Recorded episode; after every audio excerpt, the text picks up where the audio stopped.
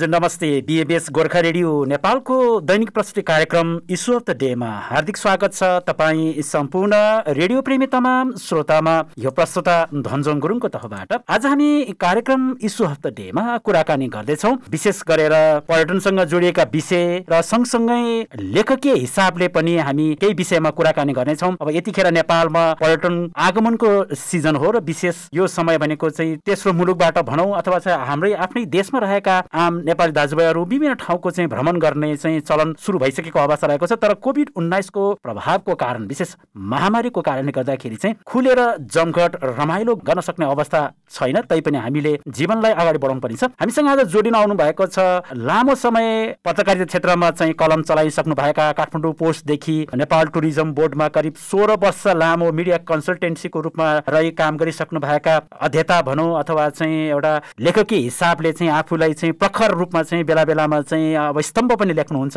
शरद प्रधान चाहिँ आज हामीसँग जोडिन भएको छ। उहाँ एक्सल ट्रिप नेपालको चाहिँ डेपुटी कन्ट्री डाइरेक्टर पनि हुनुहुन्छ। त्यसै गरी रेडियो टुरिज्मको चाहिँ को फाउन्डर पनि हुनुहुन्छ। उहाँसँग धेरै अनुभवहरू छ। विशेष यो पच्चिस वर्षको यात्राको क्रममा उहाँले ट्राभल एन्ड ट्रेडको चाहिँ सन्दर्भमा एउटा विषयको सन्दर्भमा निकै जानकारी हासिल गर्नु भएको छ। र अर्कोतर्फ पत्रकारिताको हिसाबले पनि उहाँले ट्राभल एन्ड टुरिज्मको विषयमा चाहिँ लेखहरू लेख्ने पनि गर्नुहुन्छ। हामी आज यिनै प्रसङ्गहरूमा केन्द्रित रहनेछौँ। दसैँको माहौल छ। अब आजसम्म चाहिँ सरकारी अफिसहरू खुल्ने गर्दछ भने भोलिबाट दसैँको विदा छ। दसैँ अब सुरु भइसकेको अवस्था छ। यसपटक चाहिँ आफ्ना आफन्तजनहरूसँग चाहिँ भेटघाट गर्ने परिवारसँग चाहिँ मिलेर चाहिँ दसैँ मनाउने चाहिँ मनाशय बोकी आम नेपाली दाजुभाइहरू आफ्ना गृह जिल्लातिर अथवा विदेशमा रहेकाहरू स्वदेशमा आएका अवस्थाहरू पनि रहेको छ। लामो पर्खाइमा नबसौँ। कार्यक्रममा स्वागत गरिहालौँ। उहाँ यतिखेर हाम्रो टेलिफोन सम्पर्कमा आइसक्नु भएको छ। कार्यक्रममा स्वागत गरिहालौँ। सरदार कार्यक्रम स्वागत छ यहाँलाई। धन्यवाद धेरै लामो समयपछि जोड्यौँ। है रेडियो संवादमा बाह्र वर्षपछि नै फेरि म बिएस बिएसको सँग फेरि जोडिनु पाउँदा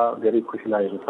अब कुनै समय हामी निकै दैनादिन भेट हुन्थ्यो होइन? अब टुरिज्म चाहिँ हामीले जुन बिटमा चाहिँ रिपोर्टिङ गर्नु पर्दाखेरि अथवा चाहिँ क्राइसिस म्यानेजमेन्टको समयमा होइन? अब कालान्तरमा काम गर्ने तौर तरिकारी परिवर्तन भए अब म त पुरानै ठाउँमा छु होइन? अब दाइ अब धेरै लामो अनुभव सँगालेर अहिले नयाँ अनुभव सहितको नयाँ पोस्टमा हुनुहुन्छ होइन? एक्सल ट्रिप नेपालको चाहिँ डेपुटी कन्ट्री डाइरेक्टरको रूपमा काम गर्दै हुनुहुन्छ। त्यसै गरी रेडियो टुरिज्मको को फाउन्डरको रूपमा चाहिँ मिडियामा पनि निरन्तर रहनुहुन्छ र बेला बेला फेरि स्तम्भ पनि लेख्नुहुन्छ। फेरि यहाँको विषयमा भन्नुपर्दाखेरि पुस्तक पढ्न साह्रै रुचाउनुहुन्छ होइन? बौद्धिक बहसको विषयमा चाहिँ छलफल गर्न साह्रै रुचाउने व्यक्ति हुनुहुन्छ। आजभोलि दिनचर्या कस्तो रहेको छ? अब अहिले त कोभिड महामारीले अलिकति मन्द छ है क्षेत्र होइन? विशेष गरी। एक्सल ट्रिप नेपालको चाहिँ काम के हो यसको चाहिँ? विशेष त यो टुरिज्म सम्पादन गर्छ अरू पनि कामहरू गर्छ यसले? मलाई लाग्छ हामी यो कार्यक्रमको उद्घाटनको बेलामा पनि हाम्रो के अरे मेरिटमा आउनु भएको मलाई अनुभव भएको सायद तपाईँ पनि आउनु भएको थियो होला हाम्रो इनागुरेसनमा जस्तो लाग्छ।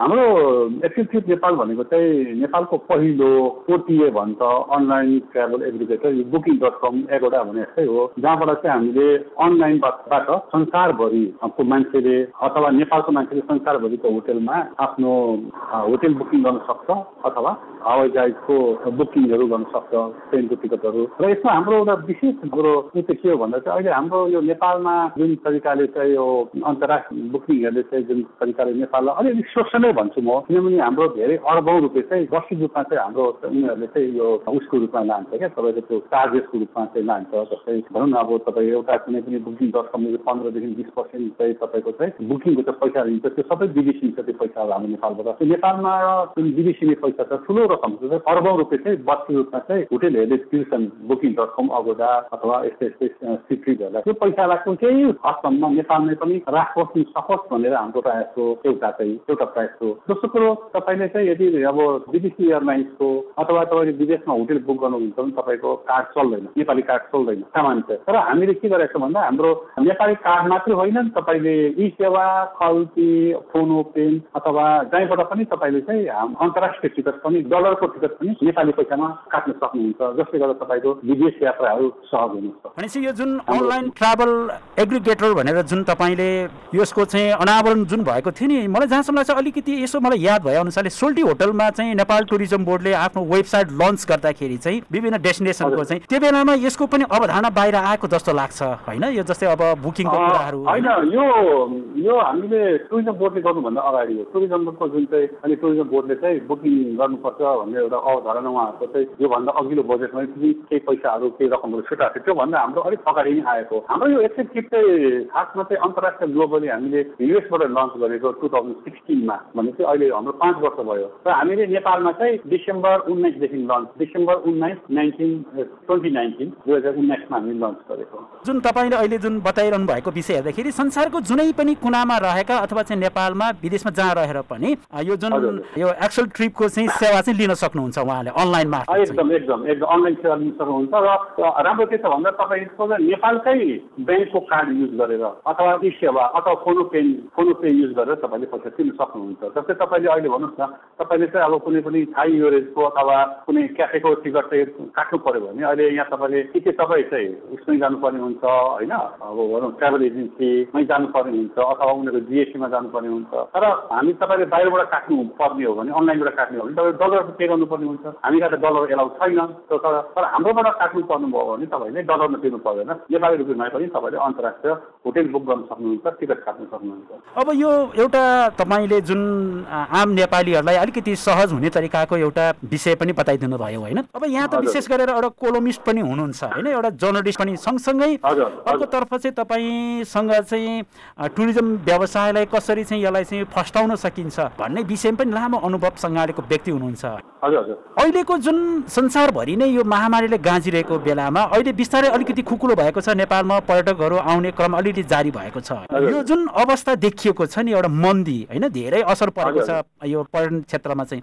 तपाईँको बुझाइमा यसलाई उठाउन के गर्नुपर्छ जस्तो लाग्छ? अलिकति पर्दाखेरि चाहिँ। म तपाईँलाई अघि तपाईँले मेरो सुरु अघि अहिले नै सुरु परिस्थितिमा मैले पर्यटनमा दुई तिन तरिकाले काम गरेँ। एक त सुरुको पर्यटनमा म पर्यटन पत्रकारको रूपमा त्यति बेला पर्यटन पत्रकारै हुन्न थियो त्यति बेला पर्यटन पत्रकारको रूपमा अगाडि बढेँ। त्यो हो nineteen ninety four ninety five ninety सिक्सको बेलामा। र त्यो भिजिट नेपाल पनि आउनुभन्दा अगाडि म पर्यटनमा एउटा पत्रकारको रूपमा काम गरेँ तपाईँ कलमिस्ट भएर काम गरेँ। मैले टुरिज्म टक भनेर झन् दुई तिन वर्ष रेगुलर काठमाडौँ कलम चलाएँ होइन। त्यसपछि मैले दुईवटा पत्रिका टुरिज्मको पत्रिका पनि मैले सम्पादन गरेँ एभरेस्ट भिजिटर भन्ने तिनवटा पत्रिकाहरूमा। त्यही तत्कालीन चाहिँ धेरै पत्रिकामा ट्राभल सम्बन्धी मैले रेगुलर कलम र लेख्ने काम गरेँ। एउटा त्यो रोल रह्यो त्यसपछि मैले दोस्रो रोल चाहिँ के लियो भन्दा यो नेपाल एसोसिएसन अफ टुर अफिसरको र काल इन्टरनेसनल भन्ने ट्राभल सम्बन्धी कम्पनीको म सिओ भएर झन् झन्डै डेढ दुई वर्ष काम गरेँ। त्यसपछि त्यो सङ्घालपछि त्यसपछि नेपाल टुरिज्म बोर्डमा तपाईँले अघि भन्नुभयो मिडिया कन्सल्टेन्टको रूपमा मैले काम गरेँ। मिडिया कन्सल्टेन्टमा काम गर्दा चाहिँ त्यसलाई मैले सरकारी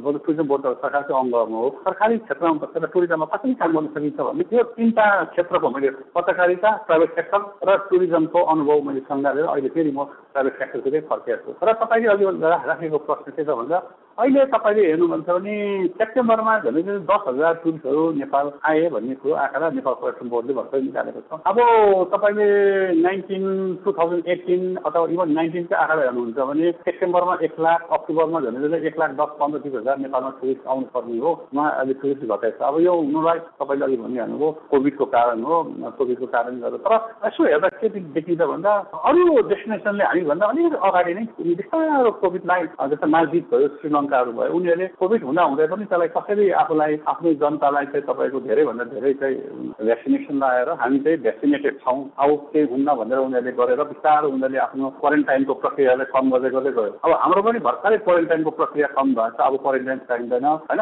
फुल्ली तपाईँ भ्याक्सिनेटेड भएको मान्छे आयो भने उनीहरूले चौध दिनभन्दा अगाडि सुई फुल्ली भ्याक्सिनेटेड भएको मान्छेलाई नेपाल आउन पाइन्छ। अब पिसिआर टेस्टहरू त सामान्य चाहिँ गर्नु परिहाल्यो। त्यो धेरै र क्वारेन्टाइनमा बस्नुपर्ने भएको र अब यसले गर्दा मलाई लाग्छ धेरै टुरिस्टहरू आउने सम्भावना छ। अहिले विशेष गरेर यो टुरिस्टहरू भन्दा पनि तपाईँको दुईवटा टुरिस्टहरू नेपालमा आउन रुचि देखाइरहेको देख्छु म। एउटा चाहिँ धार्मिक पर्यटन। अब अहिले हेर्नुहुन्छ भने पशुपति भिडभाड देखिन्छ। तपाईँले इन्डियाबाट धेरै आइरहेको छ। अस्ति तपाईँले हाम्रै इन्डियाको सेलिब्रिटी अनुपम खेर पनि अस्ति पशुपतिबाट दर्शन गरिरहेको फोटोहरू भाइरल भइरहेको छ होइन? अहिले इन्डियाका तिनजना प्रसिद्ध त्यो मात्रै नभइकन चाहिँ अब मुक्तिनाथ पनि खोलेको कुरा आएको छ होइन? मुक्तिनाथ पनि उहाँहरू मुक्तिनाथमै गएर पनि सुटिङ गर्ने कुरा चलिरहेको छ यो मुक्तिनाथकै जुमसोमा बोमन इरानी परिणति चोपडा र हाम्रो के अरे? त्यो अहिले मैले नाम लिएको। उहाँहरू तिनजना अनुपमहरू आएर। त्यसले पनि अब नेपाल खुल्लै भन्ने किसिमको एक किसिमको प्रचार प्रसार चाहिँ इन्डियामा हुने नै भयो नि। मिडियाले त इन्डियामा त उहाँहरू परोपत्र उहाँहरू त सेलिब्रिटी हो। त्यसले गर्दा पनि अबको दिनहरूमा चाहिँ बिस्तारो बिस्तारो आउँछ। जस्तै लुक्लामा उहाँहरू जानुभयो। लुक्ला खुल्यो भने एभरेस्ट खोल्यो भने देखिन्छ।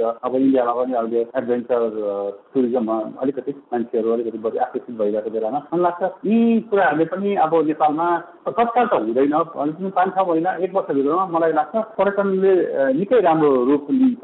अब दुई हजार उन्नाइसकै रूप लिला भन्न त सक्दिनँ। तर उन्नाइसकै रूप लिन नसक्यो भने धेरै राम्रोसँगले हाम्रो अब यो कोरोना पनि अलिकति हामीले अलिकति त्यसलाई म्यानेज गर्न सक्यौँ भने अब अहिलेको स्थिति अहिलेको अहिले अहिलेको हालकै स्थितिमा कोरोना रह्यो भने चाहिँ हामीले धेरै प्रगति गर्न सक्छ। बढ्यो भने त अटोमेटिकली तपाईँले अब ऊ गरिहाल्छ। भर्खरै पनि नेपाललाई पनि आजदेखि आजदेखि नेपाललाई पनि रेड जोनबाट हटायो। अब नेपालमा निजेको मान्छेहरू आउन सक्ने स्थिति आजदेखिदेखि लागू भयो। आउन सक्छ। धेरैवटा मुलुकलाई उहाँले रेड जोनबाट हटायो। नेपाल पनि आजदेखिको रेड जोन हटायो आजदेखि चाहिँ युकेबाट नेपालबाट आउन आउन नेपालबाट पनि उता जान पाउने भयो उताबाट पनि यता आउन आउन पाउने भयो पाउने भयो। अब यो सबै चिज जुन तपाईँले अहिले बताउनु भएको चाहिँ अहिले हाम्रो पर्यटन क्षेत्रमा हुनुपर्ने एउटा चाहिँ चहल पहलको विषय भयो होइन? हजुर अब पहिलाको जस्तो पूर्ण रूपमा चाहिँ अगाडि बढ्नको लागि त धेरै कुराहरूमा हामीले चाहिँ त्यसलाई चाहिँ कोर्स करेक्सन गर्नुपर्ने अवस्था रहेको छ पर्यटन क्षेत्रमा चाहिँ। त्यो हवाई क्षेत्रमा होस् अथवा चाहिँ रेस्टुरेन्ट होइन?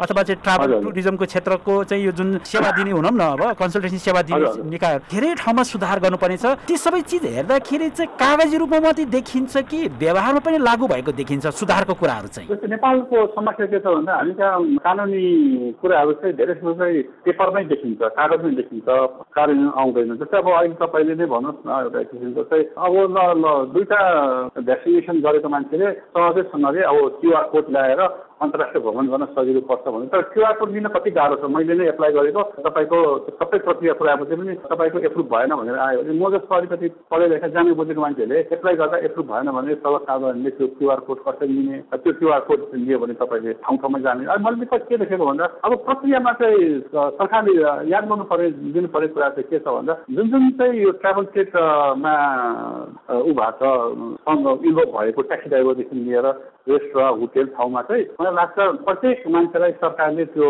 दुईवटा भ्याक्सिनेसन हालेकोलाई चाहिँ भ्याक्सिनेटेड भनेर नेपाल सरकारको लोगो सहितको चाहिँ सरकारले रेफर गरेर दियो भने एक किसिमले कन्फिडेन्स बिल्डिङ हुन्छ नि। मुख सरकारले दिएको रहेछ भएको रहेछ यो त झुक्काको होइन। अब मेरो होटेलको नाम राखेर मेरो एक्सेल ट्रिप अथवा तपाईँले बिएसएस गोर्खा राखेर आइएम भ्याक्सिनेटेड भनेर त पत्याउँदैन नि त मान्छेले होइन सरकारले नै भ्याक्सिनेटेड भनेर एउटा एक किसिमको चाहिँ तपाईँलाई त्यो जुन सेक्टर जो जसलाई इम्पोर्टेन्ट सेक्टरको मान्छेलाई चाहिँ एक किसिमको परिचय जस्तो पत्र दियो भने मलाई लाग्छ विदेशी ए सरकारले हुन्छ। तर अहिले एउटा कुरा पनि आइरहेको छ कि त्यो हामीले लाग्यो नि दुईवटा डोज फेरि त साठी दिनभन्दा बढी काम गर्दैन भन्ने पनि आइरहेको छ। त्यो आफ्नो ठाउँमा छ होइन। साठी दिन अब साठी के के त्यो कुरै आउँदैन। एउटा सरकारले एक किसिमको त्यो एउटा भ्याक्सिनेटेड गर्न चाहिँ चाहिँ त्यो लाउनु पर्ने त्यो ठाउँहरूमा चाहिँ अलिकति त्यो कुरोमा चाहिँ सरकारले ध्यान दिनुपर्ने छ। अर्को कुरो के छ भन्दा तपाईँको अब ऱ्यान्डमली होटेल खोल्नुको साथो होटेलको त्यो इन्फ्रास्ट्रक्चर कतिको छ त्यो पनि त सरकारले चाहिँ हेर्नुपर्छ। जस्तै मैले अब गाडीमा चलाउँदा टुरिस्ट गाडीमा अब लोकल गाडीमा सरकारले झन् गाह्रो भइरहेको छ टुरिस्ट गाडीमा पनि अब सोसियल डिस्टेन्सिङको कुराहरू एयरपोर्टमा सोसियल डिस्टेन्सिङको कुराहरू होटेलमा चाहिँ तपाईँ सेनिटाइजेसनको कुराहरू होटेलको त्यो हुन्छ नि अब त्यो अब भनौँ न तपाईँको के के गर्नुपर्ने होइन? है तपाईँको त्यो सबै प्रक्रियाहरूलाई चाहिँ ऊ गरेर सेनिटाइजर राख्नुपर्ने के गर्नु त्यो प्रक्रियालाई चाहिँ सरकारले चाहिँ एउटा अनुगमन टोली नै बनाएर त्यो काम गरेर यो होटेल होटेल चाहिँ होइन? सरकारले चाहिँ एप्रुभ गरेको होटेल हो है? एप्रुभ गरेको मतलब सेनिटाइज भएको होटेल हो भनेर किसिमको छाप जस्तो बनाइदियो भने त्यो होटेलमा गएर बस्न सहज हुन्छ कि? जस्तो लाग्छ है मलाई। भनेपछि त्यो एउटा यो सुधारको एउटा पर्यटन व्यवसायलाई अझै माथि उठाउनको लागि चाहिँ यो पनि एउटा आधार हो होइन? अब यो सँगसँगैमा अलिकति जुन तपाईँको एउटा लेखकीय जुन एउटा तपाईँ विशेष गरेर पुस्तक पढ्न रुचाउनुहुन्छ पुस्तकमा चाहिँ कस्तो खालको बढी पढ्न रुचाउनुहुन्छ यहाँले चाहिँ? अब अहिले चाहिँ सानो सानो उमेरमा कविता कथा धेरै पढिन्थ्यो अहिले आएर चाहिँ अब मलाई चाहिँ यो नन फिक्सन भनौँ न गैर आख्यानहरू पढ्न मन लाग्छ। विशेष गरेर मान्छेको राम्रो मान्छेको जीवनी उहाँहरूको विचार उहाँले अब अहिले वर्तमान स्थितिमा भइरहेको कुराहरूलाई कसरी एनालिसिस गरेको एक्सपर्टहरूले त्यस्ता कुराहरू चाहिँ बढी मलाई रुचिकर लाग्छ अहिले चाहिँ। भनेपछि जुन एउटा साहित्यको विधालाई भन्नुपर्दाखेरि चाहिँ कसैको जीवनका चाहिँ अनुभव सङ्घालिएका अथवा चाहिँ यात्रा संस्मरणका कुराहरू अथवा अनुभवको कुराहरू होइन? यस्ता कुराहरू चाहिँ अनुभव फेरि मात्रै होइन उहाँहरूले दिएको एउटा फिलोसफी हुन्छ नि दर्शनहरू उहाँहरूले आफ्नो अनुभवहरू साटेको हुन्छ जीवन मात्रै होइन अनुभव साटेको हुन्छ। कसरी चाहिँ अब एउटा बिलगेट कसरी बिलगेट भयो भन्ने कुरो अथवा स्टिभ जब कसरी स्टिभ जब भयो अथवा वारेन बफेट कसरी वारेन बफेट भयो अथवा महात्मा गान्धी कसरी महात्मा गान्धी विभिन्न मान्छेको जीवन दर्शन र उनीहरूले भोगेका समस्यालाई उनीहरूले कसरी एड्रेस गर्यो होइन? अब मलाई त्यति मात्रै होइन। अहिले चाहिँ अहिले चाहिँ युवा युवा पिँढीका मान्छेहरू कसरी सक्सेस भयो कसरी उहाँहरूले सङ्घर्ष गर्यो उहाँहरूले चाहिँ जिन्दगीलाई कसरी हेर्ने कसरी गरिरहेको यस्ता कुराहरू चाहिँ मलाई लेख्न पनि मनपर्छ र पढ्न पनि मनपर्छ। अब दसैँको माहौल छ होइन? अब अलिकति केही दिन त फुर्सदै हुन्छ होइन? अब यहाँको चाहिँ यसपल्टको दसैँ अब कसरी चाहिँ मनाउने सोचमा हुनुहुन्छ होइन? र अर्कोतर्फ अहिले त अब पर्यटन क्षेत्र सुस्ताएको बेला छ होइन? एकदम भागदौड गर्नुपर्ने अवस्था पनि भएन होइन? भर्खर भर्खर बिस्तारै अलिअलि खुकुलो हुने अवस्था रहेको छ। त्यसमा पनि अब एक्सल ट्रिपले दिने सेवाहरू त्यतिको चाहिँ चापाचाप पनि छैन होला होइन?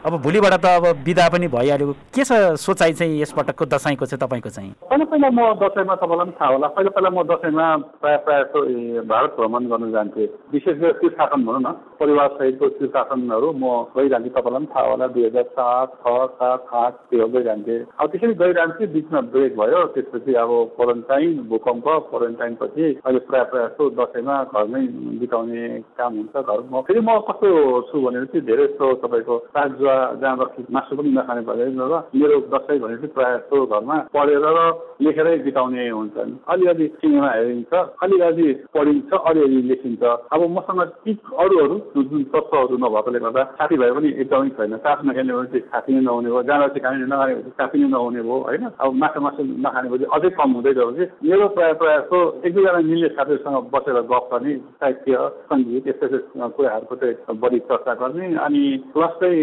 यसो अब अहिले लेख्न अलिक छुटिरहेछन् त्यो लेख्नुपर्ने एसाइनमेन्टहरू पनि छन् त्यो एसाइनमेन्टहरू पनि कम्प्लिट गर्नुपर्ने छन् र प्लस चाहिँ अब विगतमा अलिक पढ्न छुटेका कुराहरू धेरै किताबहरू तपाईँले भने मैले। अहिले किताबहरू किनेर राखिरहेको छु धेरै किताबहरू। अब त्यो किताबहरू बिस्तारो अलिअलि उहाँहरूको जीवनीबाट केही सिकिन्छ कि केही गरिन्छ कि भन्ने छ। अनि जहाँसम्म एक्सेप्टीको कुरा छ अब एक्सेप्टीको चाहिँ हामी अनलाइन भएकोले गर्दा हामी हाम्रो फिजिकल प्रेजेन्स भनौँ न भौतिक उपस्थितिको त्यति आवश्यक छैन। जहाँ बसेर पनि काम गर्ने हो। र अब यति बेला हामीले अलिक प्रमोट गर्न खोजिरहेको छ। हामीले के प्रमोट गर्न खोजिरहेको छुट्टीबाट भनेपछि यो बेलामा हामीले विशेष अफरहरू होटेलसँग कोर्डिनेसन गरेर अफरहरू दिइरहेको छौँ। Fifty percent up to fifty sixty percent पनि अफरहरू हामीले दिइरहेको छौँ कोही होटेलहरू पाँच हजारको होटेलहरू तिन हजारमा आइरहेको छ होइन उहाँहरूले कहिले काहीँ डिनर फ्री भन्नुहुन्छ कसैले के फ्री भन्नुहुन्छ कसैले के फ्री भन्नुहुन्छ त्यस्तो खालको चाहिँ हामीले अलिअलि अफरहरू दसैँको टाइममा सबैले सबैले दसैँ मनाउँछ भन्ने पनि छैन नि त। दसैँ नमनाउने समूहहरू पनि छन्। ती समूहहरूलाई पनि यसो घुमघाम गर्नु हुन्छ। कोही चाहिँ होइन त्यो दसैँमा घुम्नै जाउँला। सानो फ्यामिली छ त ल पोखरामा गएर टिका सिका लाउन भन्ने खालको हुन्छ। उनीहरूलाई अलिकति त्यो खालको फ्यामिलीलाई इन्ट्रेस्टिङ होस् भनेर हामीले विशेष अफरहरू पनि सेलेक्ट छौँ। त्यो अफर पनि हाम्रो श्रोताहरूले त्यो अफर पनि हाम्रो एक्सेप्टको अफरहरू पनि लिन सक्नुहुन्छ उहाँले गर्नु सक्नुहुन्छ। म चाहिँ के भन्न चाहन्छु भने चाहिँ दसैँ तिहारमा हामीले मनपर्ने काम गरौँ कसैलाई नबिगारौँ कहाँ खेल्ने नै पऱ्यो भने पनि लिमिटमा बसेर खेलौँ घर घरबारै सिजाउने गरेर नखेलौँ। रक्सी खानुहुन्छ भने नखाऊ भन्दिनँ खानुहोस् तर लिमिटमा बसेर खानुहोस् घरबार नबिगार्नुहोस् आफ्नो नबिगार्नुहोस् अरूको नबिगार्नुहोस् मार्काट नगर्नुहोस् भन्छु तर अब मार्केट नगरी हुँदैन। पर्छन् भने पनि त्यो अब अलिकति आफूलाई संयमित राखेर अब काम गर्नुहोस्। भन्ने चाहिँ मेरो सबैलाई अनुरोध पनि हो हजुर। अब यो जुन दसैँको सन्दर्भसँग जोडेका कुरा सँगसँगै अब अलि लगभग हामी पुछारतिर छौँ कार्यक्रमको होइन? अब गीत सङ्गीतको पनि कुरा गर्नुभयो। अब साहित्य मन पराउने मान्छेले गीत सङ्गीत त अवश्य पनि मन परिहाल्छ। यहाँलाई चाहिँ कस्तो। खालको गीत चाहिँ मनपर्छ कस्तो खालको सङ्गीत होइन? सङ्गीतका धेरै किसिमका विधाहरू छन् मलाई क्लासिकल। मलाई मलाई चाहिँ विशेष गरेर मनपर्ने सुगम सङ्गीत। त्यही पनि सुगम सङ्गीत पनि अब हामी हाम्रो एउटा एडभान्टेज के हो भने हामीले नेपाली मनपर्ने हिन्दी पनि मनपर्ने बुझ्छौँ अङ्ग्रेजी पनि मन पराउँछौँ तर अब अङ्ग्रेजी हिन्दी भन्दा पनि अब अलिकति बढी नेपालीको माया भएकोले गर्दा मलाई एकदम मनपर्ने गायक गायिकामा चाहिँ अब जस्तै अब नारायण गोपाललाई हामी छुटाउनै हुँदैनौँ होइन? अब गोपाल इन्जनको सङ्गीत नारायण गोपालको गीत अम्बर गुरुङको अब अरुण लामा त्यसपछि अब तारा देवी अब मिरा राणा अब यता त्यस्तै अब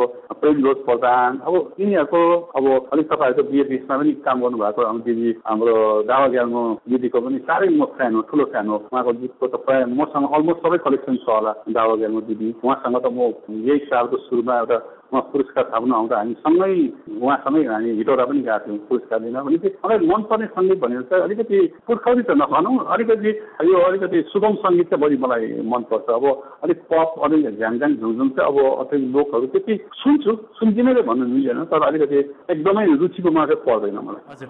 अब यो सँगसँगै अलिकति फेरि म त्यो सुरुकै प्रश्नतिर म यहाँलाई चाहिँ जोड्न चाहेँ जस्तै नेपालको चाहिँ पर्यटन क्षेत्र कृषि क्षेत्र जलविद्युत यस्ता थुप्रै चिजहरू छन् होइन? अब जडीबुडीका प्रशोधनका कुराहरू भए फलफुल उत्पादन होइन थुप्रै कुराहरू छन् हामीसँग चाहिँ। हाम्रो अहिलेको पर्यटन उद्योगको अवस्था के छ? हामीले सुधार्नु पर्ने जस्तै अब कोभिडको बाहेकको जुन एउटा पोलिसी प्लानिङमा तपाईँ रहेर एउटा तपाईँले एउटा मार्केटिङको चाहिँ एउटा चाहिँ पिलरमा रहेर काम गरेको अनुभव रह्यो नेपाल टुरिज्म बोर्ड भनेको त एउटा मिडिएटर पनि हो र अर्कोतर्फ चाहिँ बजार व्यवस्थापनमा सहयोगीको भूमिका प्राइभेट र पब्लिक र गभर्मेन्टसँग चाहिँ दुइटै कुरासँग चाहिँ मेल खाने खालको चाहिँ सोचबाट आएको संस्थामा काम गर्नुभएको अनुभवले हेर्दाखेरि नेपालले गर्न सक्ने कुराहरू के के छन् म यस्तो गर्छु ल तपाईँलाई अहिले भन्नुभयो म सानो छोटो के भन्छु भन्दा अब अबको हाम्रो बजार व्यव हाम्रो व्यवस्थापन लोकल व्यवस्थापन त अब गर्न सजिलो पनि छ सरकारको नीति नियम बनाउनु तर विदेशबाट टुरिस्ट ल्याउनु त गाह्रो कुरा हो नि त होइन? त्यसको लागि चाहिँ मलाई लाग्छ सरकारले अथवा नेपाल पर्यटन बोर्डले सबै मिलेर चाहिँ के काम गर्नुपर्छ जस्तो जस्तै अब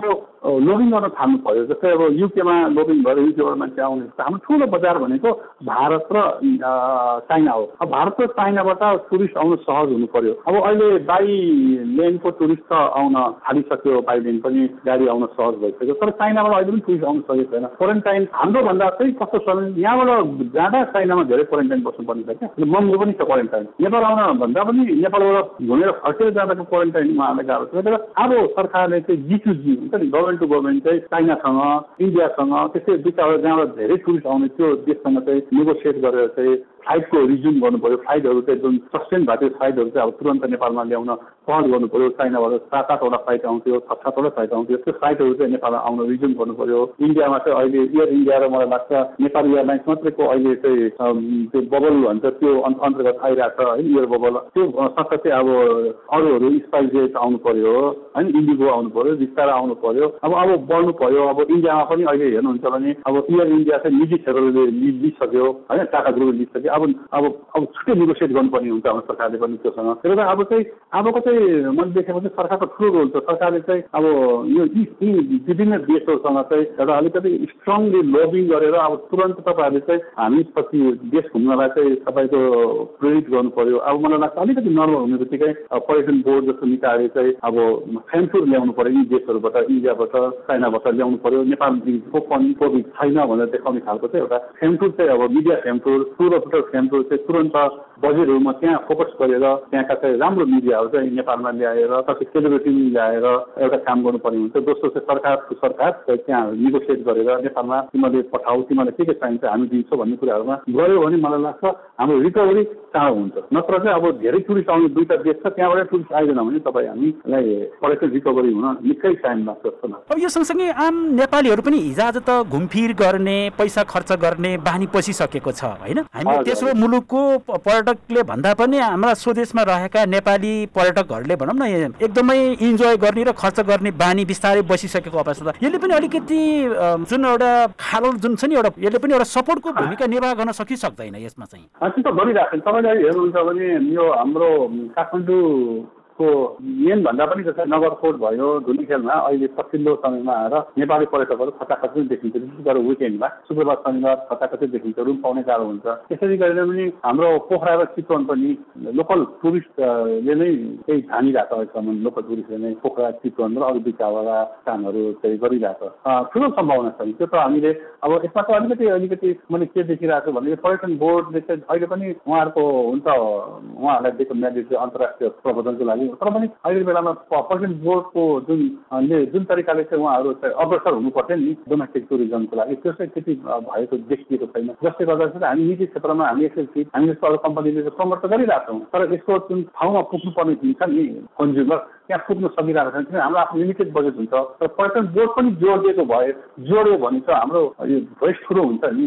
घुम्न जाउँ यो प्याकेज आइरहेको छ। कम्पनीको नाम नदिनु पनि हुन्छ। होइन यो प्याकेज आइरहेको छ। जानुहोस् घुम्नुहोस् हामी तपाईँहरू यस्तो भन्ने खालको एउटा जुन एउटा हुन्छ नि एउटा मान्छे उत्साहजनकको प्रवचनात्मक जुन सन्देशहरू चाहिँ पर्यटन बोर्ड जस्तो ठाउँ अथवा त्यस्तै अरू ठाउँहरू चाहिँ आउनुपर्ने जुन छ त्यहाँबाट चाहिँ आइरहेको छैन त्यसले गर्दा चाहिँ मलाई लाग्छ डोमेस्टिक टुरिज्ममा जुन हुनुपर्ने एउटा गति पाउनुपर्छ त्यो गति पाउन सकिरहेको छैन जस्तो लाग्छ मलाई। अब मार्नु पर्दाखेरि चाहिँ शरद दाई केही छन् तपाईँको तर्फबाट छुटेका भन्नुपर्ने अथवा चाहिँ अहिले बजारमा धेरै किसिमका पुस्तकहरू पनि आइरहेछ पुस्तक पढ्न रुचाउनुहुन्छ। अर्कोतर्फ पर्यटन क्षेत्रमा पनि त्यतिकै रुचि राख्नुहुन्छ लेख्नुहुन्छ होइन अर्कोतर्फ तपाईँको अब ट्राभल एन्ड टुरिज्मको सेक्टरमा पनि तपाईँको चाहिँ एउटा रुचि रहेको कारणले त्यही क्षेत्रमै रोमरिरहनु भएको छ। अन्तमा केही कुराहरू छुटेका पनि हुन सक्छन् संवादको क्रममा। ती कुरा जोडेर कार्यक्रमबाट बिट मारौँ हुन्छ। प्रायः मैले भन्न पर्ने त सबै भइसक्यो। तर अब त्यही तपाईँले भन्नुभयो नि मेरो विभिन्न ट्राभल गर्दा विदेशीहरू ट्राभल गरेर हेर्नुहुन्छ तपाईँले। विदेशीहरू ट्राभल गरेर हातमा किताब सुविधा हुन्छ। त्यसले गर्दा ट्राभल र रिडिङ त उनीहरूको कल्चरमै छ नि त विदेशीहरूको त। ट्राभल गर्छ। मैले कतिजना विदेशीहरूलाई चाहिँ ट्राभल गर्दा हातमा किताब बोकेको देख्छु उनीहरू प्लेनमा पनि किताब बोकिरहेको हुन्छ भने चाहिँ ट्राभल र रिडिङ त पढ्ने कल्चर त जोडेको छ नि। त्यसले गर्दा अब मलाई लाग्छ हामीमा पनि हाम्रो अब हाम्रो कहाँ हामीहरू विशेष गरी नेपालीहरू खुट्टा हुने बित्तिकै चाहिँ कि जाँड बस्ती खान थाल्छौँ कि चाहिँ जुवाकास खेल्न थाल्छौँ होइन? अब यी कुराहरूलाई पनि अब आफ्नो इन्ट्रेस्ट होला तर केही समय चाहिँ पढ्नेतिर पनि रुचि लगाइदिनु भयो भने तपाईँहरूको आफ्नो आफू आफ्नोभन्दा जस्तै म बुवा हो भने मेरो छोराछोरीले त मैले गरेको कामलाई चाहिँ उहाँहरूले फलो गर्छ नि त्यसले गर्दा चाहिँ मैले राम्रो काम गरेँ भने पढ्ने काम गऱ्यो भने मेरो छोराछोरी पढ्ने काम गर्छ भने पढ्नेतिर अलिकति लागौँ अनि हाम्रो कहाँ कस्तो छ भने पैसा छन् भने बरु भनौँ घुमाउ न अलिकति परिवारलाई घुमाउ न पोखरा घुमाउ होइन तपाईँको जोङसोङ लैजाउँ मुक्तिनाथ लैजाउँ अथवा लुम्बिनी लैजाउँ एक किसिमको वातावरण बनाइदिउँ घुम्ने वातावरण पनि बनिदियो भने मलाई लाग्छ हाम्रो देशमा जुन पैसा चाहिँ एउटा जुन चाहिँ एक ठाउँमा मात्रै रहन्छ नि त्यो पैसा चलायमान हुन्छ त्यो चलायमान पैसा भयो भने इकोनोमी सर्कुलर इकोनोमी हुन्छ त्यसले गर्दा त्यो त्योतिर पनि हामी ध्यान दियौँ अनि किताब पढौँ किताब पढ्यो भने तपाईँको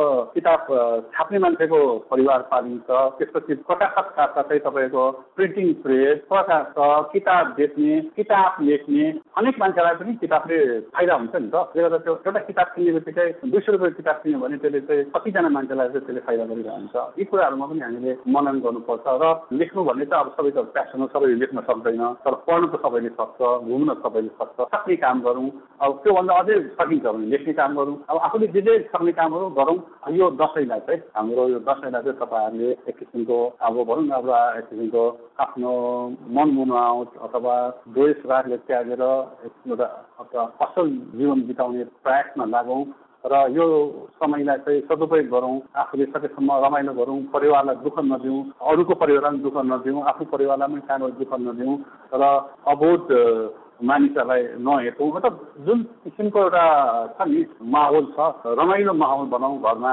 पाहुना आउँदा पनि अलिकति हाँसी खुसीले स्वागत गरौँ। यति भन्दै म मेरो आजको यो कार्यक्रममा समय दिनुभएकोमा धनसिंह गुरुङ भाइ लगायत बिएसबिएसका सम्पूर्ण सहकर्मी साथीभाइहरूलाई दिदी बहिनीहरूलाई पनि म धन्यवाद दिन चाहन्छु धन्यवाद हजुर धेरै धेरै धन्यवाद छ शरद भाइ अब लामो समयपछि रेडियो संवादमा जोड्नुभयो र हामीले विविध विषयमा प्रवेश गऱ्यौँ होइन? एकदम एउटा स्पेसिफिक एउटै सब्जेक्टमा मात्रै हामीले प्रवेश गरेन। तपाईँको रुचिका विषयहरू विधाका विषयहरू होइन? अब हामीले अप्नाउनु पर्ने रणनीतिहरू जुन टुरिज्म बिजनेसलाई अथवा व्यवसायलाई कसरी चाहिँ सस्टेबल बनाउन सकिन्छ डिगो बनाउन सकिन्छ भन्ने सन्दर्भमा पनि हामीले कुराकानी गऱ्यौँ। आजको लागि समय दिनुभएको धेरै धन्यवाद छ र बडा दसैँ दुई हजार अठहत्तर सालको चाहिँ धेरै धेरै शुभकामना। यहाँले जुन हामीले शुभकामना दिइसक्नु भएको छ जहाँ जहाँ हुनुहुन्छ हामीलाई सुन्नुहुने विशेष गरेर हाम्रा ब्रिगेड अफ गोर्खाजमा कार्यरत हाम्रा नेपाली दाजुभाइहरू उहाँका परिवारजन त्यसै गरी सेवा निवृत्त भई विभिन्न क्षेत्रमा हुनुहुन्छ बेलायत ब्रुनाई अब अहिले त अफगानिस्तानबाट हामी रिटर्न भइसकेका अवस्था छ होइन?